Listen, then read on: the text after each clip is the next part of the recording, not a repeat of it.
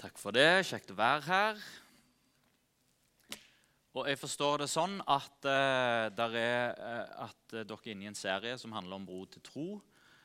og det som jeg har lyst til å dele i dag, passer som hånd i hanske i den serien der, håper jeg. Gjestfrihetens mirakel, for det ligger et mirakel i det å åpne opp døra og invitere noen inn. Jeg hadde lyst til å begynne denne formiddagen med en historie som nå er 14 år gammel.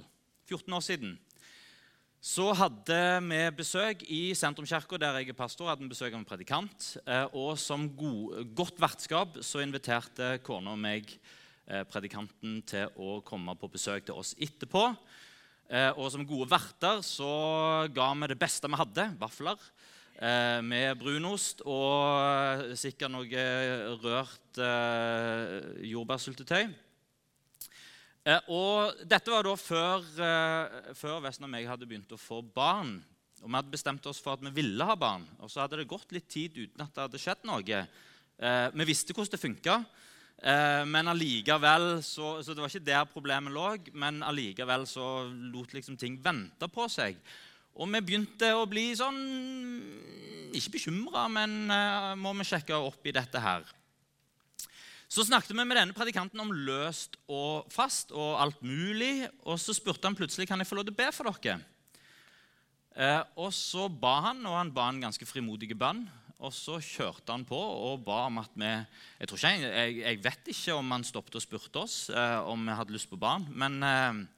Han ba for at vi skulle få barn, og, og så ba han for, eh, eh, for, eh, for, ungene som vi skulle få. Og så fikk han et ord mens han ba. Og han fikk et ord til Han sa jeg, tror dere skal få ei datter. Kanskje òg flere. Og så kom han med, med, med, et vakkert ord som var, vi gjorde som Maria. Vi gjemte det ordet i, i, tok vare på det ordet i vårt hjerte.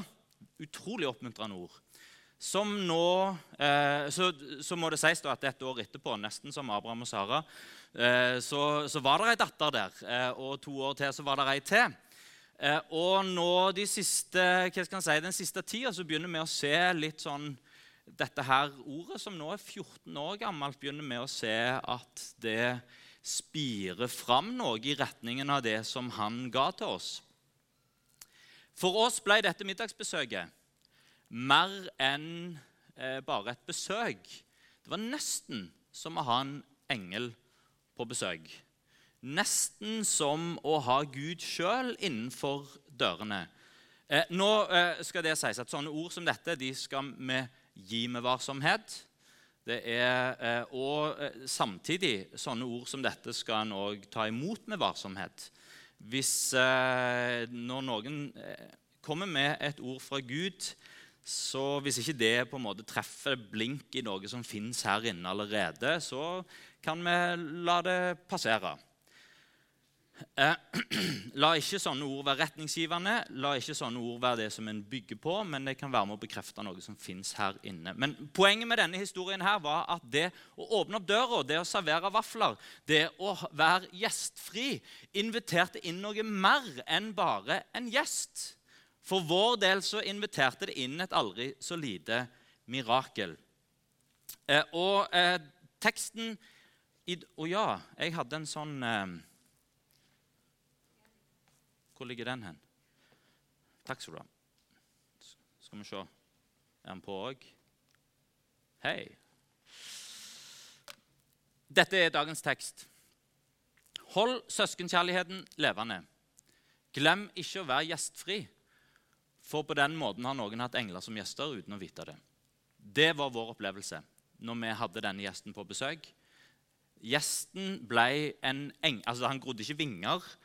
Eh, men eh, det var plutselig noe der av å være et sendebud fra Gud. Eh, I motsetning til hva veldig mange tror, så er ikke Bibelen full av englehistorier. Eh, egentlig så skal du lete, du skal lese ganske lenge før du ser at det dukker opp engler. Eh, og når det dukker opp engler i bibelteksten, så er det, det er ofte veldig spektakulært. og det skjer når det er turn off events i historien som er ekstraordinære. Så dukker det en engel, en, eh, en budbærer fra Gud, eh, opp. Eh, men jeg er usikker på om det som står her, er at det som menes i denne teksten, her, er at med å være gjestfri så har en engler, altså åndelige vesener, på besøk. Sendebud ifra Gud. Eh, for eh, ordet 'engel' betyr ikke på gresk da, så betyr ikke ordet 'engel' engel. Angelos er ikke hva skal si, en skapning med hvite klær og vinger. Eh, utsendt ifra Gud. Men angelos er en budbærer. Når vi ser ordet budbærer brukt gjennom Nytestamentet, så er det noen ganger en budbærer fra Gud, en engel, sånn som Maria, eh, som, som, som, møter en engel som er sendt av Gud. Det er, det, er, det er, et åndelig øyeblikk. Men så er det mennesker som blir kalt for angelos, for en utsending. For en, eller ikke en utsending, men for en budbærer. Og Jeg lurer på om det er kanskje det som denne teksten her eh, vil ha fram at ved å invitere en gjester så kan en få besøk av engler, budbærer, budbærere fra Gud. Det som iallfall er ganske sikkert, det er at referansen er denne teksten her, og den skal vi lese. Eh, og Det er Abraham og Sara. Herren viste seg for Abraham i Mamres eikelund. En gang han satt i teltåpningen da dagen var på det varmeste. Han så opp og fikk øye på tre menn som sto foran ham. Da, han så dem, så sprang han de i møte for teltåpningen, bøyde seg til jorda og sa, 'Herre, hvis jeg har funnet nåde for dine øyne, så gå ikke forbi din tjener.' 'La meg hente litt vann, så dere kan vaske føttene, og hvile dere her under treet.' 'Og la meg hente litt mat, så kan dere styrke dere før dere drar videre.' Siden, siden dere nå har lagt veien forbi deres tjener. De svarte, 'Ja, gjør som du sier.' Da skyndte Abraham seg inn i teltet til Sara og sa, 'Skynd deg å kna tre seer fint mel og bak brødleiver.' Sjøl sprang Abraham bort til storfe og henta en fin og god kalv. Den ga han til tjenestegutten, og han skyndte seg å lage den til. Så tok han rømme og melk og den kalven som gutten hadde gjort i stand, og satte det fram for, framfor dem. Han ble stående hos de under treet mens de spiste. Da sa de til han, 'Hvor er Sara, de kona?' Abraham svarte der inne i teltet. Han sa, 'Jeg kommer tilbake til deg når tida er inne, og da skal de kona Sara ha en sønn.' Nesten som vår eh, fortelling, bare at her spiste de kalv istedenfor vafler. Denne teksten har gjestfrihet som et sentralt tema. Gjestfrihet er en del av orientalsk kultur. Det er bare å ta, eh, legge ja, se der, eh, Ikke glem å skru av mobiltelefonen. Eh, gjestfrihet er fortsatt en del av orientalsk kultur. Dra til Midtøsten. Eh, det er, eh, noen steder så er det sånn at det er nesten umulig å, å, å, å gå forbi folk uten at en blir invitert inn. Jeg har hørt rykte om eh, det landet jeg har mest lyst til å besøke eh, i verden. det er ikke Midtøsten, selv om det er mange land jeg har lyst til å besøke der òg, men det er Georgia. Eh, de fleste vet ikke hvor Georgia ligger engang, men det, det, er en gammel sovjetrepublikk med de flotteste fjellene i Europa. Det, det er Europas tak. Eh, der, der, har de på en måte blandt sammen Europa og det orientalske på en fantastisk måte. De har en fantastisk matkultur. Og det som er overskriften over hele Georgia, er gjestfrihet. Um, en bekjent av meg eh, dro gjennom det landet der og heika. Og han sa, eh, det var, eh, og, og, sa dette er ikke bare min fortelling, men altså dette, eh, dette er ikke min fortelling som jeg bygger liksom opp, men dette er faktisk det som skjedde. Hver gang jeg tok ut tommelen, så stoppet den første bilen. og når jeg sa hvor jeg skulle hen, så sa denne personen det er ikke der jeg skal, men hopp inn i, hopp inn i bilen min, og så kommer du hjem til oss skal du få mat, og så kan du overnatte der til neste dag, og så kan du komme deg videre. Eh, og sånn drev han på. Han kom seg aldri gjennom Georgia. Eh, for, eh, for, han ble bare tatt med rundt over hele landet, og folk viste en sånn overstrømmende gjestfrihet. Og det har blitt meg fortalt at på grensa Dette kan du søke opp. På grensa til Georgia så blir du spurt De fleste plasser så får du en streng sånn grensevakt som ser deg i øynene og hva skal du inn i landet vårt. Eh, er det første gang du er her? Hvorfor skal du her til? I Georgia så ser de på deg med snille øyne og så spør er det første gang du er i Georgia. Eh, og Hvis du da svarer ja, så sier de 'velkommen', og så tar de opp ei flaske med vin. Du kan jo velge hva du vil gjøre med den etterpå, men det er jo, det er jo fint. Gjestfrihet er en del av den orientalske kulturen. Det var òg en større del av norsk kultur i gamle dager. Når vi gikk til Trodlatysdal, så gikk vi forbi en eh, som ligger oppe i fjellene i, eh, inne i Årdal. Eh, så gikk vi forbi en veiløse gård som ble nedlagt på 60-tallet. Og så leste jeg bygdehistorie om denne nedlagte gården Helgaland. Eh, og de tre siste som bodde der, tre søsken som bodde og levde der på gården til han ble fraflytta. Eh, og eh, huset de bodde i, er knøttas lite. Og det sto om disse tre søsknene at hver dag så spiste de på kjøkkenet, knøttas lite kjøkken, og de sov middag på kjøkkenet. De gikk aldri inn i stua. Stua den var reservert til kun når det kom gjester, og til julaften. Eh, og Hvis du går litt tilbake i tid i Norge, så var det gjerne sånn en hadde ei bestestue som, som alltid sto klar til en fikk, eh, til en fikk gjester.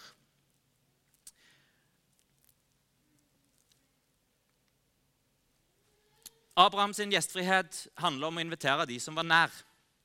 Hva gjør Abraham når det er tre menn utenfor teltet hans? Eh, hvis han var norsk, så hadde han tenkt Er det kjemi? Eh, eh kan jeg bli venner med de etterpå? Eh, nei. Det er sannsynligvis ikke kjemi. Jeg, eh, og kanskje jeg, det bare vil være forstyrrende eh, å, ta kontakt med dem. Eh, Abraham var ikke norsk, og han begynte ikke med vennskap. Han begynte med gjestfrihet, og begynte faktisk med måltid. Eh, dette her er Julian Borrell. Han er en canadier eh, som har bodd mange år i Norge. Han har òg bodd i Frankrike, tror jeg, men, men lengst i Norge. Og han er utdanna rakettforsker. Uh, og det er faktisk helt sant. Det er jo sånn som en tøyser med. Ja, utdannet rakettforsker. Og Julian Borrell er faktisk rakettforsker. Uh, han har vært så lenge i Norge at han har skrevet bok, eller egentlig tegneserier. Uh, tegneserier i bokform om norsk og skandinavisk kultur. Og han er så på kornet med sine da, tegninger og forklaringer av disse at han, han har fått en egen TED-talk om, om, sine oppdagelser. Eh, og det som han da viser her, er van... Dette er sosialisering. Eh, det er én måte for verden, og så er det en måte for Norge. Eh, så den vanlige sosialiseringen den er øverst her. Den, den, er eh, et menneske som treffer et fremmed menneske, og som er litt nysgjerrig på det fremmede mennesket, og som begynner å snakke. For det gjør en når en treffer fremmede mennesker og er litt nysgjerrige. 'Hei, hva du heter? 'Å, interessant. Ja, hvor er du fra?' 'Å, ja, det er jeg òg.' Og så begynner en å ha en meningsfull samtale. Og det syns en var så stimulerende at en inviterer til å ta en kaffe, spise noe, og så fortsetter en den meningsfulle samtalen med dette mennesket som en har vært så heldig å få lov til å treffe. Ut ifra samtalen så begynner en kanskje å planlegge en aktivitet, noe som en kan finne på sammen. så Derfor så går en på en tur. Eh, og på den turen så fant en ut der var det blåbær. Så da begynte en å plukke blåbær. Eh, for det var jo Oi, her var det blåbær. Kjekt. Så det er den, det er den vanlige, det vanlige eh, tidslinja for eh, sosialisering over hele verden. Ifølge Julien Borrell, men ikke i Norge. I Norge så begynner vi eh, Julian Borrell sier vi trenger en rammeaktivitet. Eh, så eh, vi begynner med blåbærplukking. Eh, og Derfor så melder han seg gjerne inn i en forening, en, en, en bærplukkeforening. Bærplukkeforeningen arrangerer bærplukketur. Og du, du, kommer på bærplukketuren. og da, til et område med masse blåbær. Og Der går du i stillhet og plukker blåbær. En meningsfylt aktivitet for fjellfolket fra Norge. Eh, jeg vil i hvert fall si at Å plukke blåbær er definitivt en meningsfull aktivitet. Eh, når du er ferdig å plukke blåbær, så må en må jo ned fra fjellet der en plukker. Så da oppdager en at det er andre mennesker der. Eh, og kanskje en så vidt altså da, da, Derifra så går en på en måte bort der, så oppdager en et annet menneske og begynner å snakke så vidt om blåbær og blåbærplukking. Eh, og så, på bakgrunn av det, så, så, så kommer liksom relasjonen seg et hakk videre. Og når den er etablert Kanskje vi skal ut og plukke blåbær igjen sammen? Ja, la oss gjøre det. Og så når den er etablert, så kan en på en måte Den, den, den ender der at en spiser sammen. Måltidet ifølge Julian Borrell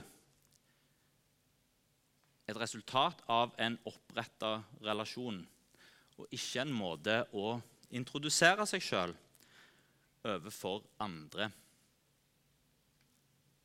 En former ikke vennskap for vennskapets skyld, men en er med i en aktivitet, så blir en venner med andre som òg er del av den aktiviteten. Spørsmålet er skal vi handle, skal vi oppføre oss som nordmenn. Eller skal en oppføre seg som Abraham, og som Bibelen faktisk oppmuntrer oss til? For gjestfrihet er ikke bare en orientalsk verdi. Gjestfrihet er en bibelsk verdi. Det er en av de verdiene som er, som, som er mest som en rød Ikke mest, men en av de som virkelig er en rød tråd gjennom hele Bibelen, fra Gammeltestamentet gjennom hele Nytestamentet. Og Det er en måte å leve evangeliet på. Gjestfrihet er en glemt dyd og en glemt verdi i vestlige kirker. Eh, den søramerikanske biskopen Mortimer Arias eh, han mener at det er den mest glemte måten å vinne nye mennesker på eh, i, opp gjennom hele kirkehistorien. Den som åpner opp, og som inviterer inn. For når, når et kristent menneske tenker misjon, så tenker en sånn sentrifugal eh, misjon som og som sender folk ut i verden. Som sender ut på gater og streder. Og, som, og, og dette er misjon.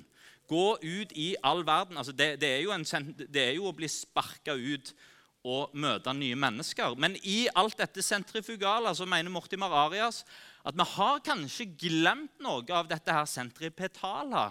Den som trekker seg inn. Og Bibelen er full av dette. Eh, den, den gamle, gammeltestamentlige tilbedelsen den var sentralisert. Den handler om Jerusalem og tempelet. Da vil du se at hele Israel kom fra eh, bygdene rundt, og de kom til Jerusalem og de kom til tempelet for å tilbe. Og Opp gjennom kirkehistorien så har dette vært en vanlig måte å invitere mennesker inn på. Bare gjennom å være gjestfrie, bare gjennom å si 'velkommen hjem' gjennom å åpne opp døra og invitere de som har behov.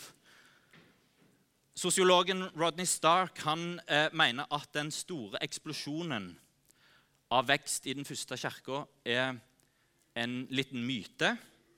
Og at de menighetene som Paulus faktisk skrev sine brev til, ikke var store megamenigheter, men det var små, det var reelt sett små menigheter som møttes rundt i hjemmene.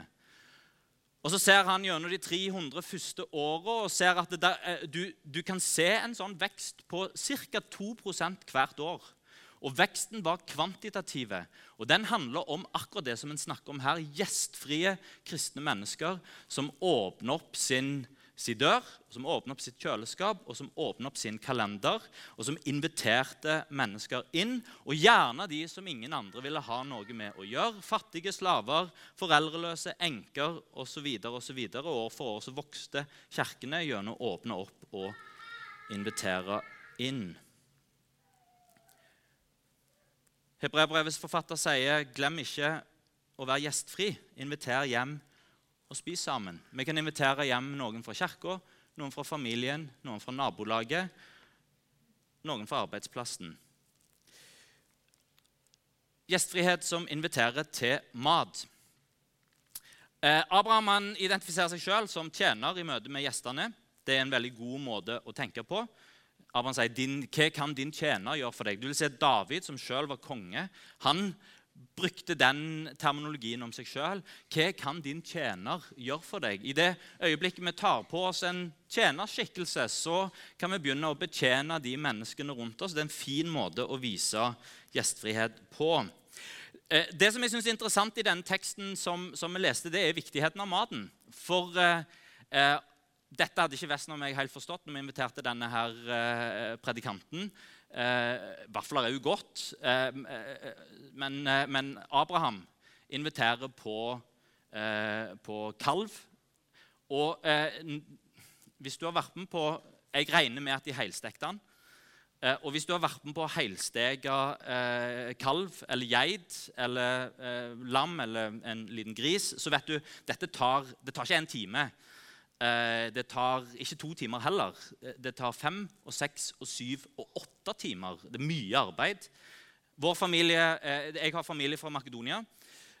Kona mi er derifra. og For noen somre siden så var vi med på å spise med storfamilien. Så var vi med å spise ei helstekt geit. Og det tok vår storfamilie en hel kveld å spise opp den geita. Og fortsatt var det eh, mer igjen. Det som var mest interessant hele kvelden, det var når onkelen til kona mi kom til vår datter, som da var kanskje ti, eh, og så sa jeg har den beste delen av geita, den skal du få. Eh, og hva er det for noe? Det er hjernen. hun, prøvde ikke, hun prøvde ikke den beste delen. Kona til Abraham baker brød av 20 liter med mjøl. Det, det, er et, det, er et, vanvittig måltid som han legger opp til. Spising er ikke inngangen til vennskap i vår kultur. Eh, spising er kanskje noe som vi må få gjort. Det er litt sånn som når jeg vokste opp med fem brødre, nei, fire brødre var med, og ei søster. Fem søsken. Eh, så når du kommer liksom til middagsmåltidet, så, så, vet du at hvis du ikke er liksom på fra, fra, fra, fra det øyeblikket en har sagt amen, så, så, så blir du ikke mett. Så det er så eh, Fortsatt så imponeres folk over hvor raskt de klarer å få ned et middagsmåltid. Eh, og Dette er bare god trening fra oppveksten. Skal du bli mett, så, så, må du få det gjort. Og Det er litt sånn norsk. Vi tenker liksom, må få spist, vi må liksom få det ned. Og, og så Det er vi veldig praktisk orienterte. En praktisk hendelse i løpet av dagen. Min eh, tante Haldis, eh, som er fra Undøy, der er min mor òg fra, hun sier dette. Det er gildest når vi er det. Og når du tenker etter, så er det ganske sant. Altså Det å være samla storfamilien, og så spiser vi, eh, så er det jo faktisk sånn. Det er gildest når vi er det. Eller på jul, eller hvilken tid det skulle være. Så Dette uttrykket fra, eh, fra tante Haldis eh, kommer opp i vår familie igjen og igjen. Hver gang vi er på kumlebesøk hos mor og far, eh, rundt hvert julebord, hver, hver måltid, så, så, er det en eller annen lur stemme som kommer og sier det er gildest når vi er det. Og Kanskje er det derfor jul er så kjekt for oss som nordmenn. Fordi det er den ene gangen i året hvor vi tar en litt sånn U-sving, og hvor vi virkelig bryr oss om måltidet, og hvor vi legger sjel og, og oss sjøl inn i å forberede maten, og det lukter godt i hele huset, og det er pinnekjøtt eller det er ribbe eller hva det er vi spiser. Og så får vi denne her å, det, det, er ikke, det er ikke bare det at vi er sammen, men vi skal spise godt sammen. Drar du til Frankrike og en del andre plasser nedover på kontinentet, så er så er kanskje Om ikke hverdagsmåltidet sånn, så er det nesten der når en spiser sammen eh, til daglig. Jeg gikk på en handletur på Rema eh, for litt tid tilbake. Der spurte jeg en av de ansatte et prisspørsmål. og det er, jo, det er, jo, sånne ting som vi er veldig opptatt av her i Norge når det gjelder mat. Hvor mye koster det? Eh, og vi går og kjøper mat der det er billigst. Ikke nødvendigvis der vi får de beste råvarene, men der vi får den billigste, billigste, billigste maten. Se på hvordan mat Det er jo helt utrolig. Vi har eh, eh, den, det, det, norske jordbruket er helt fantastisk. Det som er industrielt jordbruk i Norge, ville vært økologisk jordbruk i USA. Vi har råvarer som er helt hinsides bra. Den norske melka, norsk kjøtt Det er, eh, er ikke noe land i Vesten som har så lite antibiotika i kjøttet som det norske. Eh, men alli, altså, vi løfter ikke opp kvalitet, vi løfter opp pris. Kom her, her er det billigst. Så det er, eh, det er det som vi er opptatt av. Eh, og, og meg. Derfor spurte jeg en av de ansatte, for jeg ser alltid på kilopris. Sant? Hvor mye koster dette per kilo? Å, det var litt billigere, da kjøper jeg det der. Eh, og, så, og da, da, svarte hun meg på, på eh, spørsmålet om pris. Eh, men så ga hun meg mye mer enn det jeg spurte om. For da, eh, da eh, kjørte hun på. Du må, du, må, du må, lage meny. Lag meny for hele uka. Så må du gjøre innkjøp én gang i uka. Det må du gjøre på torsdag. for da er det de beste tilbudene. Eh, og så kjøper du for hele ukas meny. Og så må dere hør på meg nå, nå og så må dere spise middag sammen hver dag. Eh, Samle sammen eh, familien, og så spiser dere middag. Det det gjorde vi når, eh, når ungene mine var liksom i alder fra, fra der de skulle øve på ungdomsskolen og begynte å gå inn i tenår, eh, tenåringsalder. Vi sleit i ekteskapet vårt. Jeg hadde dårlig forhold til ungene mine. Så begynte vi å spise middag sammen hver dag. og vi fikk snakke sammen. Hva skjedde på skolen? Bla, bla, bla. Det redda ekteskapet vårt. Det redda forholdet mitt til døtrene. Eh, det må du òg gjøre. Gå hjem og gjør du likeså. Eh, og jeg ble kjempeinspirert av den ansatte på Rema til å spise sammen og redde ekteskapet mitt og spare penger og redde forholdet til ungene mine. Og det er faktisk sant, det som hun ansatte på Rema sa. De familiene som spiser sammen, åtte av ti familier i Norge gjør faktisk det. Og det, det er bra. Det må vi virkelig holde, prøve å holde fast ved. De, får, de spiser færre kalorier. Jeg vet ikke om dette gjelder Knut Idland. Det og sunnere mat. En får gladere barn, mindre depresjoner, selvmordstanker, spiseforstyrrelser. Eh, det minsker rusproblemer, det fremmer gode karakterer, det motvirker stress. Å spise sammen som familie er rett og slett bare sunt. Bruke tid rundt måltidet, snakke sammen, debrife dagen. Liksom, og så tenke hver dag er litt jul. Vi, vi, vi lager mat, og så, og så, har vi det fint. Jeg vil si at det kanskje skaper det en sunn kirkefamilie. At vi spiser sammen som kirke, og at det er litt andre folk innom. Kanskje vi er med å skape et sunt nabolag gjennom at det er litt folk innom eh, i hjemmet vårt. Min oppfordring er lag god mat og inviter noen til å bli med og spise den. De første kristne spiste sammen. Jesus spiste hele tida. En av de tingene som er interessant å se med Jesus, er at eh, det handler om veldig mye mat eh, gjennom hele, særlig Lukasevangeliet. Lukasevangeliet er bare en vandring fra måltid til det neste måltidet. Det, og det, det, det, er spising og spising og spising. Og dette er interessant. Når disiplene, når Jesus står opp fra de døde, og eh, han, han, får et herlighetslegeme, hvilket betyr at eh, han, er, han, han er annerledes men det er Jesus, men han er annerledes. Og Hvilket betyr at når han viser seg for disiplene, så og, er det, er det deg, Jesus? Ja, det er jo deg.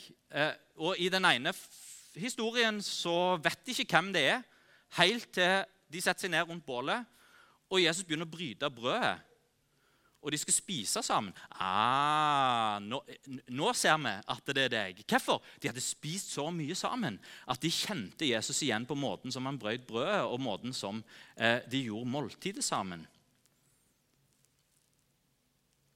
Inviter inn. Inviter familien, inviter fra nabolaget, inviter fra kirka. Eller gjør som vi gjør av og til. Lag mat ute og inviter med noen på det. Eller inn på kaffe og kaker. Altså, Jeg vet jo at inviterer vi noen av naboene våre, hvis vi inviterer dem på, på, på, middag, så vil de jo få panikk. Eh, det, det, eh, Hæ, hva, er dette her for noe? Dette går jo ikke an. Dette er jo eh, på tvers av alle kutymer. Men det går an å begynne forsiktig. Drikke kaffe på terrassen, f.eks. Da er det ingen som får panikk. Gjestfreden som inviterer et mirakel. Vi tok imot denne predikanten og fikk et ord som vi opplevde var fra Gud, og hadde englebesøk. Og Poenget i historien om Abraham er faktisk ikke Abrahams gjestfrihet, men den utilsikta effekten av Abrahams gjestfrihet. For Abraham får besøk av Herren sjøl. Og eh, Når vi kjenner bak, bak, bakgrunnshistorien til Abraham og Sara De har fått et løfte fra Gud. Dere skal få en sønn. Nei, det løftet har de ikke fått. Eh, løftet de har fått fra Gud, er at deres etterkommere skal bli så tallrike som stjernene på himmelen. Skal de bli like tallrike som sandkorna på bakken. Eh, hvilket betyr en ganske tallrik slekt.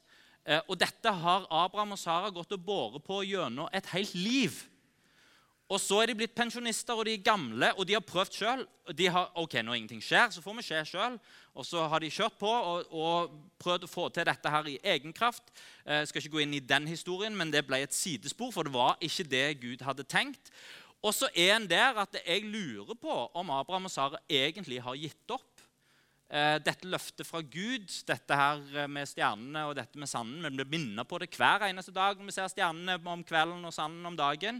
Men, men, men skal det skje noe med, med dette? Miraklet som de venter på, det kommer ikke mens de jakter etter mirakelet. Miraklet som de venter på, kommer mens de gjør noe praktisk for noen gjester.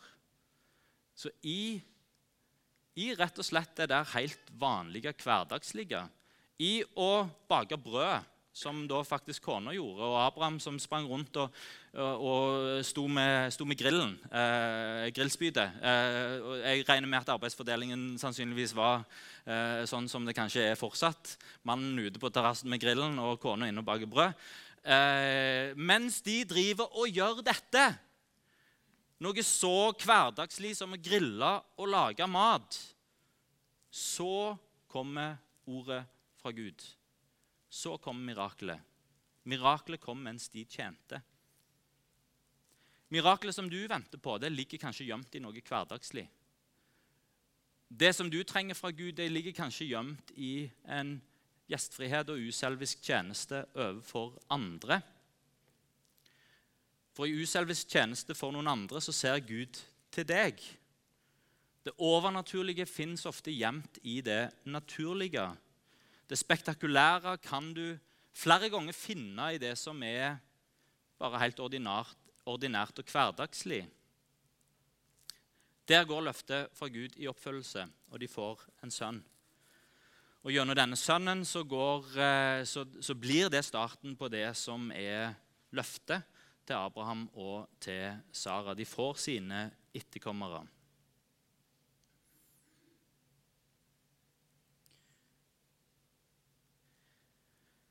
Det er mange kristne som springer etter det spektakulære. Å, nå skjer det noe der. Oi, la oss springe der for å få, for å få det som, som, Gud gjør på den plassen. Nei, men nå har det flytta seg der, så nå la oss være opptatt av det som skjer der borte. Og så springer en fra det ene til det andre for å oppleve noe fra Gud. Kanskje en trenger et mirakel, kanskje er det der borte, kanskje er det der. Og så lurer jeg på om av og til kanskje det overnaturlige og mirakelet og det spektakulære ligger gjemt i det å bare gjøre, leve et hverdagslig gjestfritt, sjenerøst liv mot andre. At vi kan lære fra Abraham. At vi slutter å springe etter engler, og heller invitere englene inn gjennom gjestfrihet.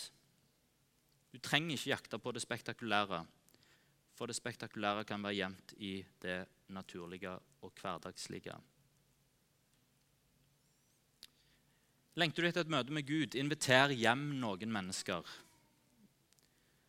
Åpne opp kjøleskapet, åpne opp døra, åpne opp kalenderen, åpne opp livet og si 'kom og spis med oss'. Gjør som Abraham og inviter de som er rundt deg. Lag til god mat. Og så inviterer en òg samtidig inn et mirakel. Hvis bandet kunne kommet opp, eh, så hadde det vært fint.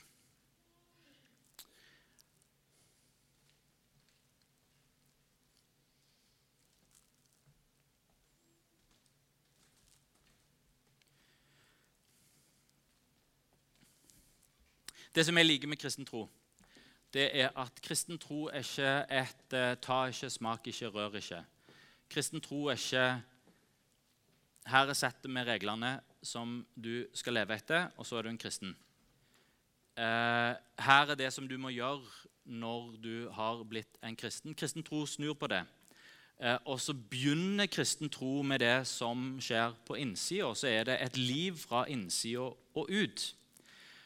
Og et liv fra innsida ut, ut, da er det som vi gjør, et resultat av det som har skjedd her inne, og en respons på det som har skjedd her inne. Derfor vil en kristen kunne si jeg tilgir. Hvorfor? Ikke fordi jeg må tilgi. Jeg tilgir fordi jeg har blitt tilgitt. En kristen kan si jeg gir, og jeg lever et sjenerøst med livet mitt. Hvorfor? For, nei, for det er liksom nummer to på lista. at nå må jeg gi. Nei, jeg gir fordi jeg har blitt gitt, og fra en overflod av det som har blitt gitt meg. Det som du har fått, gi det videre. Og samme greiene gjelder og, og, og samme greiene gjelder òg i forhold til å åpne opp og invitere inn. Jesus han har invitert meg inn. Derfor så kan jeg åpne opp mitt liv og invitere andre inn. Sånn som han har invitert meg og tatt, tatt imot meg. Sånn jeg har fått komme hjem hos han. Sånn kan jeg tilberede hjemme hos meg, og så kan jeg invitere og si velkommen hjem til de andre rundt meg. Så jeg kan leve livet mitt i respons på det som han har gjort for meg. Så òg med gjestfrihet. Når vi har forstått at vi har fått komme hjem Derfor elsker jeg denne slogan som en har mange, i mange menigheter. Velkommen hjem. Det er et uttrykk for akkurat dette, for gjestfrihet. Sånn som han har tatt imot meg, sånn kan jeg si velkommen hjem til omgivelsene rundt. Kan åpne opp døra. Kan åpne opp livet mitt, åpne opp kjøleskapet og si velkommen hjem. Og det som er så fint, er at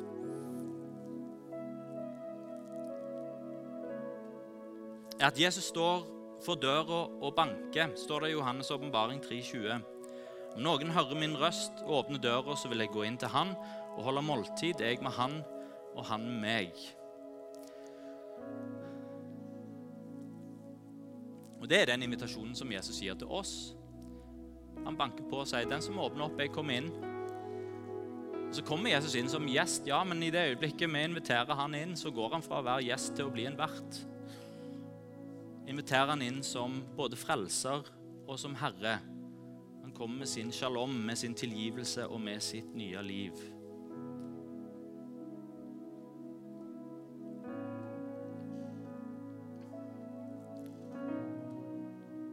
Det var det som jeg hadde lyst til å avslutte med i dag. Jesus har invitert oss inn til han. På samme måte som jeg har blitt invitert av han, kan jeg invitere mine omgivelser.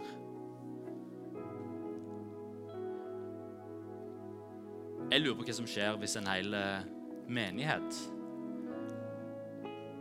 vet at jeg har tatt imot Jesus sin invitasjon. Tilhører han. Og den gjestfriheten vil jeg vise mine omgivelser. Vi vil åpne opp vår døra til vårt hus. Vi vil åpne opp vår kjøleskap og vårt middagsbord. Og vi vil invitere inn til oss. Tenk hvis alle her inviterte noen inn de neste to eller tre ukene. En familie, noen venner av ungene, kanskje noen fra jobben. En familie, kanskje noen som er singel eller som ikke har familie. Kom og spis med oss. Jeg lurer på hva som kan skje hvis, og hva slags mirakel som ligger gjemt i at vi gjør det. Kan vi reise oss, skal vi straks uh, synge sammen?